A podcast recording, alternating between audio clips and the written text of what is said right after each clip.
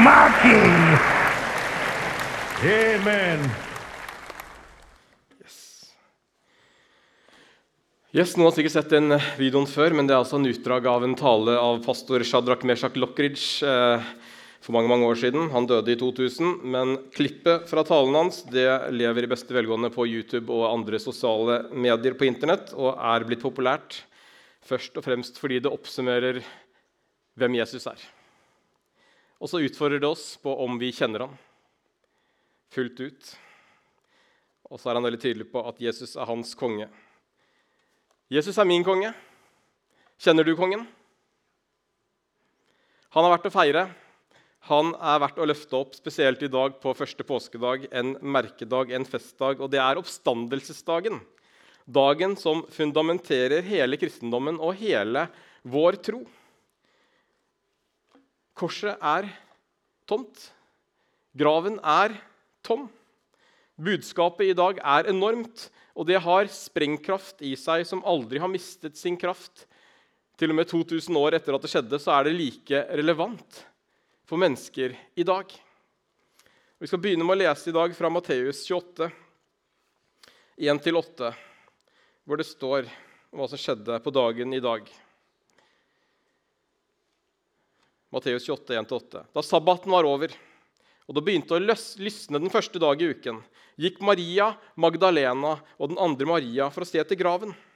Med ett kom det et kraftig jordskjelv, for en Herrens engel steg ned fra himmelen, gikk frem og rullet steinen til side og satte seg på den. Han var som lynet å se til, og drakten var hvit som snø. Vaktene skalv av redsel da de så ham, og de ble liggende som døde. Men engelen tok til orde og sa til kvinnene.: Frykt ikke. Jeg vet at dere søker Jesus, den korsfestede. Han er ikke her. Han er oppstått, slik som han sa. Kom og se stedet hvor han lå. Skynd dere av sted til hans disipler og si, han er stått opp fra de døde og går i forveien for dere til Galilea. Der skal dere få se ham. Nå har jeg sagt dere det. De skyndte seg da bort fra graven med frykt og stor glede og løp for å fortelle det til disiplene. Budskapet var at graven er tom. Jesus lever nå i ære og i makt. Evig. Døden er ham underlagt, som vi sang. Det er et fantastisk budskap som vi kan få lov til å fortsatt synge på i dag, og vi kan synge om det i dag. Men så er det gått 2000 år siden det skjedde. Og det står at når de oppdaget at Jesus hadde stått opp og hadde forsto budskapet, så kjente de på en stor glede, og de damene løp for å fortelle det til disiplene. Klarer vi å kjenne på den samme gleden i dag som de første disiplene gjorde?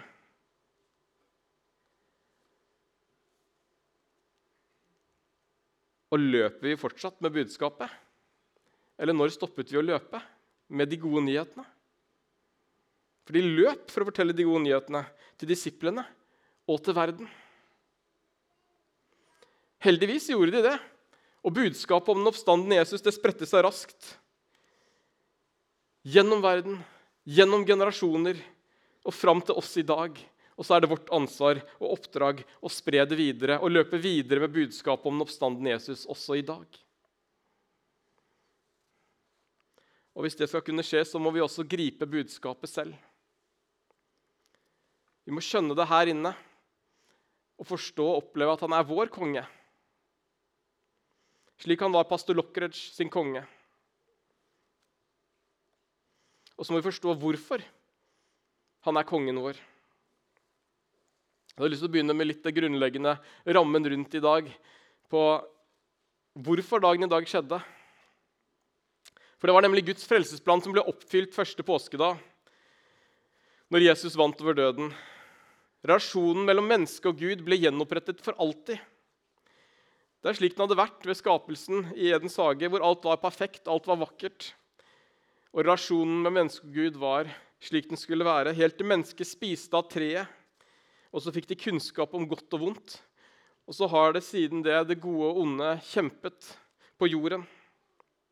Relasjonen til Gud ble brutt, og mennesket måtte virkelig jobbe for å gjenopprette relasjonen. Gjennom å holde bl.a. et vell av bud, lover og regler som man kan lese om i Det gamle testamentet og i Mosebøkene spesielt. Man måtte ofre et dyr iblant, et sonoffer, på menneskenes vegne fordi ikke vi klarte å leve riktig. Så måtte vi be om tilgivelse, og så måtte vi komme til Gud med et offer. Og Det kalles ofte for den gamle pakt. En pakt det betyr avtale eller et forbund. Men en pakt det stikker på en måte mye dypere enn en generell avtale eller en kontrakt.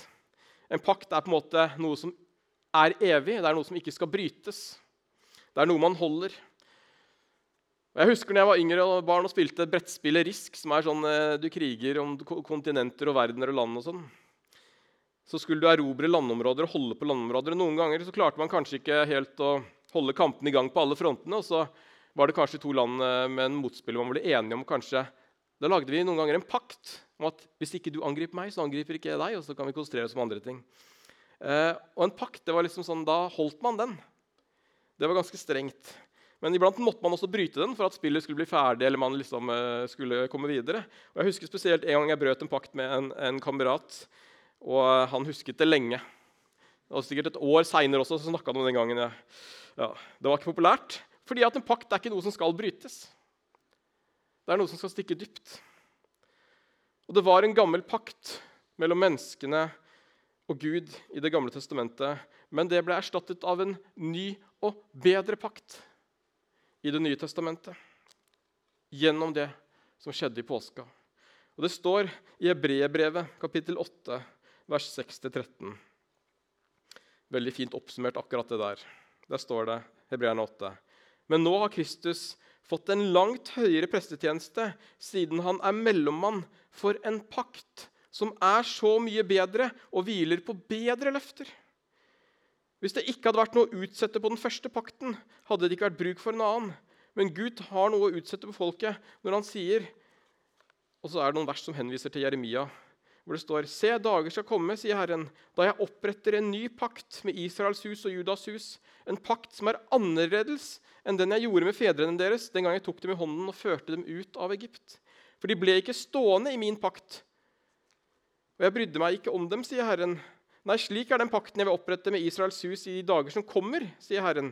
Jeg vil legge mine lovbud i deres sinn og skrive dem i deres hjerte. Jeg vil være deres Gud, og de skal være mitt folk. Og Da skal ingen lenger undervise sin landsmann eller sin bror og si 'Kjenn Herren', for de skal alle kjenne meg, fra den minste til den største blant dem.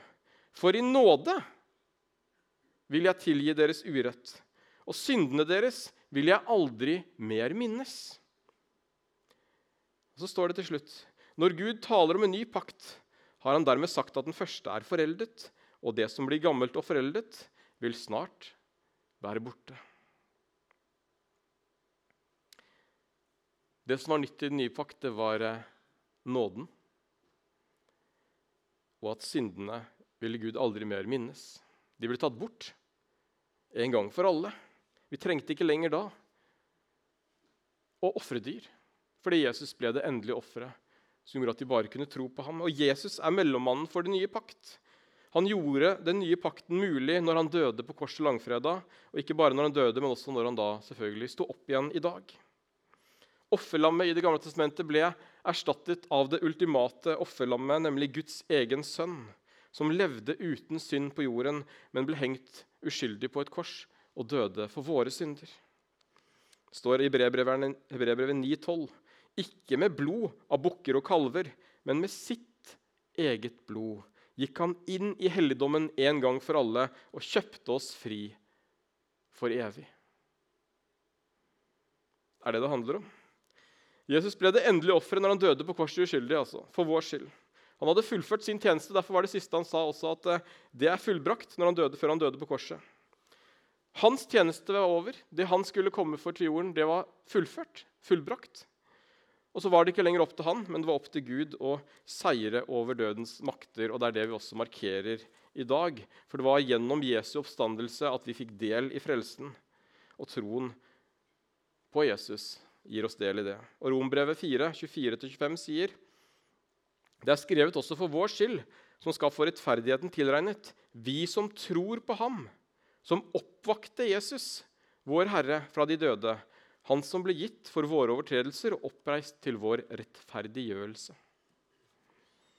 Jesus ble oppreist fra de døde av sin far, av Gud. Og det brakte rettferdiggjørelse til oss som tror på ham. Han døde for våre synder, men oppsto til vår rettferdiggjørelse. Det vil si at hvis Jesus ikke hadde stått opp fra de døde, så hadde vi ikke blitt rettferdige for Gud.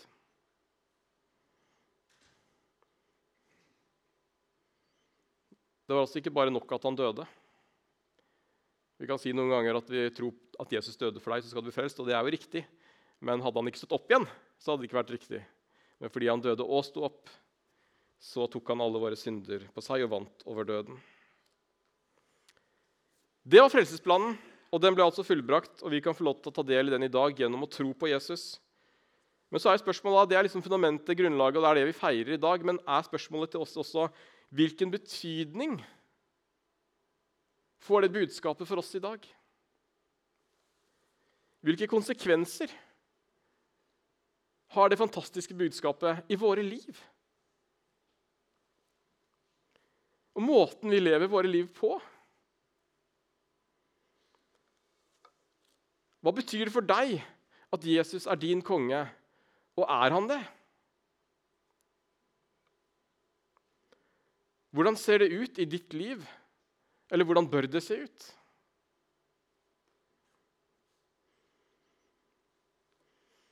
Hva betyr det for oss i dag at Jesus brøt dødens lenker og sto opp fra graven og overvant alt det onde?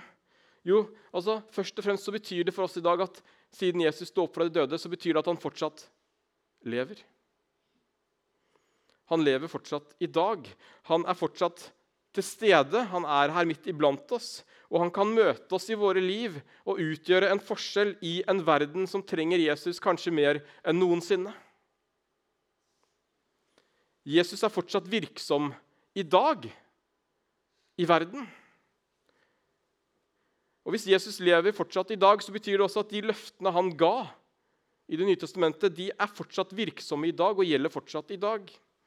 Og de kan gjøre en forskjell og bety noe for oss også i 2022.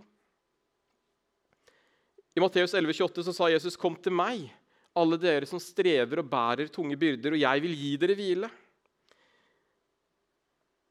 Siden Jesus fortsatt lever, så betyr det at det fortsatt er betydningsfullt for oss i dag. Det gjelder fortsatt i dag. At vi kan få lov til å komme til han. Det betyr at alt det som tynger deg, alt det du møter på din vei som ikke er bra, som ikke er godt, all sykdom, alle tunge sår, alt mismot, alle skavanker, all sorg, all smerte, det kan du legge på Jesus som overvant døden, og som sa, 'Kom til meg, og jeg vil gi dere hvile'.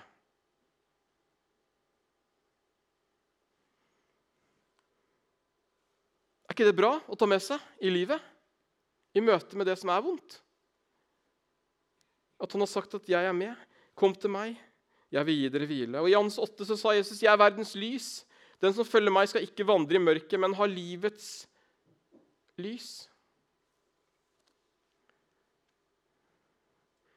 Siden Jesus er virksom også i dag, så betyr det at han også er verdens lys i dag. Det betyr at mørket ikke lenger har makt over deg i dag. Og Hvis du følger Jesus, så skal du ikke vandre i mørket, står det. Selv om vi kan oppleve mørke episoder eller mørke ting, så har vi et lys som er sterkere. Livets lys, som omslutter deg og omgir deg på alle sider, og som er sterkere enn til og med døden. Ikke minst sa Jesus i Johannes 14, 14,6 at 'jeg er veien, sannheten og livet'. Ingen kommer til Faderen uten ved meg. At Jesus lever og oppsto, betyr at han sier det samme i dag. Jesus er fortsatt veien, sannheten og livet. Jesus said, I am the way and the truth and the life. Jesus es el camino la verdad y la vida. Isos estekala advarol shi viatsa. Som betyr det andre, samme på andre språk. Fordi at Jesus han er veien, sannheten og livet for alle mennesker i alle land. På alle språk. Og så er han det for deg.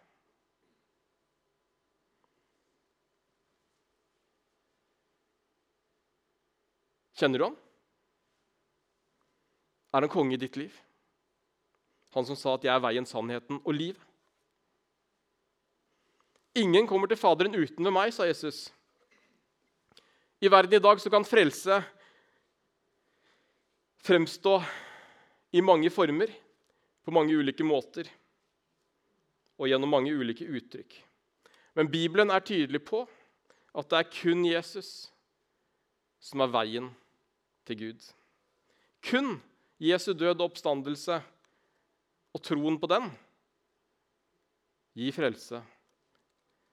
Det er det og det alene som gjenoppretter vår relasjon til Gud, menneske og Gud. Ikke tro noe annet.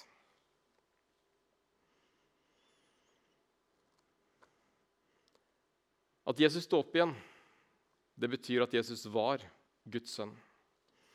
Og at det ikke var tilfeldig at soldaten som sto ved korset, sa sannelig, denne mannen var Guds sønn. Han som hadde vært med å henge ham på korset og pine ham,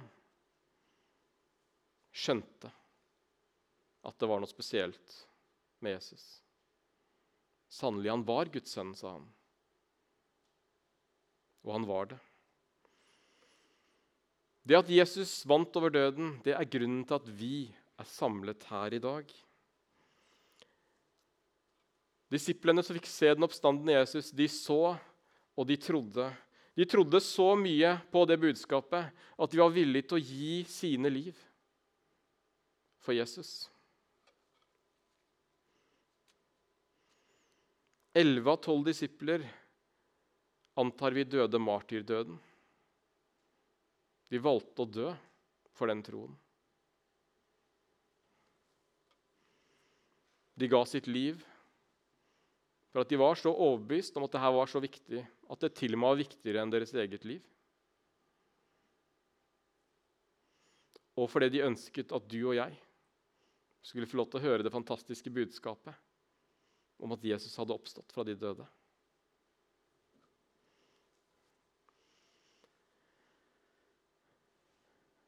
Og Sånne vitnesbyrd som det det gjør at jeg ikke er i tvil også om at budskapet er sant.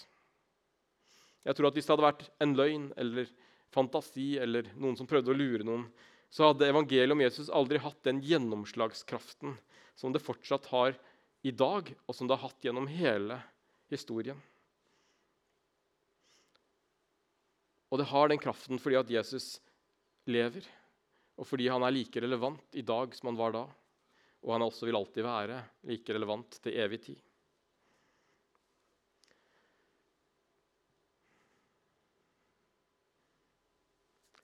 Hva betyr det å tro på Guds sønn,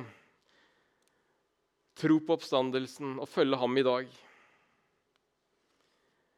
Og Hvordan gir det utslag i våre liv? Hva gjør det med våre prioriteringer når det gjelder menneskene rundt oss, i møte med mennesker som har det vanskelig? I møte med utfordringer, i møte med folk som kanskje vil oss vondt? Hvordan møter vi dem? Som etterfølgere av kongen. Hvordan ser det ut å følge Jesus i dag?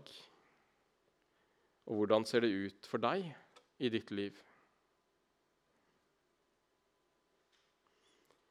Jesu døde oppstandelse det er den eneste historiske hendelsen som har skjedd i verdens historie med ett menneske som har angått alle mennesker i går, i dag og til evig tid. Det var noe unikt, det var noe spesielt, fordi at Jesus er unik. Han er spesiell, og det er noe spesielt med Jesu navnet. Jeg tror, som vi leste innledningsvis, at han ble såret for våre overtredelser. At han ble knust for våre misgjerninger. Jeg tror at straffen lå på ham for at vi skulle ha fred. Og ved hans sår så har vi fått legedom.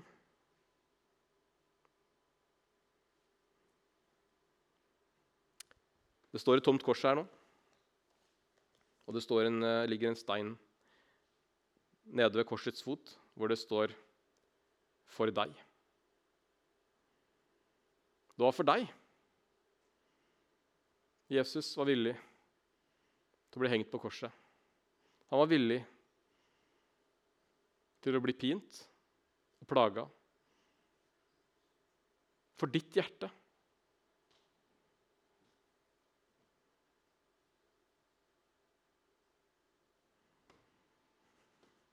Hvis du ikke tror det, og hvis han ikke er din konge, så er den gode nyheten at du kan ta den bestemmelsen i dag. Gjennom å be en enkel bønn og si 'Takk, Jesus, for at du døde for meg'. Jeg tror på deg i mitt hjerte. Og Så skal man si amen, og så er det alt som skal til. At Jesus er din Herre. At vi tror på Han og bekjenner Han som Herre i våre liv. Det er alt som skal til. Og det er den gode nyheten. Og en av de gode tingene med den nye pakten, det er det som handler om nåde. At det hviler ikke på våre gjerninger, det hviler på Jesu gjerning. Det han gjorde for oss. Det er det som betyr noe. Og det er alt som skulle til. Og Det er det som også skiller kristendommen fra veldig mange andre religioner, hvor det handler om gjerninger. Hvor det handler om å gjøre sånn og sånn, eller at du får kreditt for hver gang du gjør en god gjerning eller et eller annet. Men det hviler ikke på gjerninger. Du kan få lov til å ta med Jesus, og så er vi skapt til gode gjerninger. Men det er noe annet. Jeg skal avslutte med å lese noen vers fra Salme 128, som også handler litt om dagen i dag. Så Musikerne kan også få lov til å gjøre seg klare, så skal vi få lov til å lytte til en uh, sang etterpå.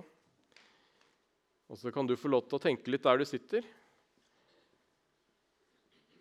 på hva det betyr for deg i dag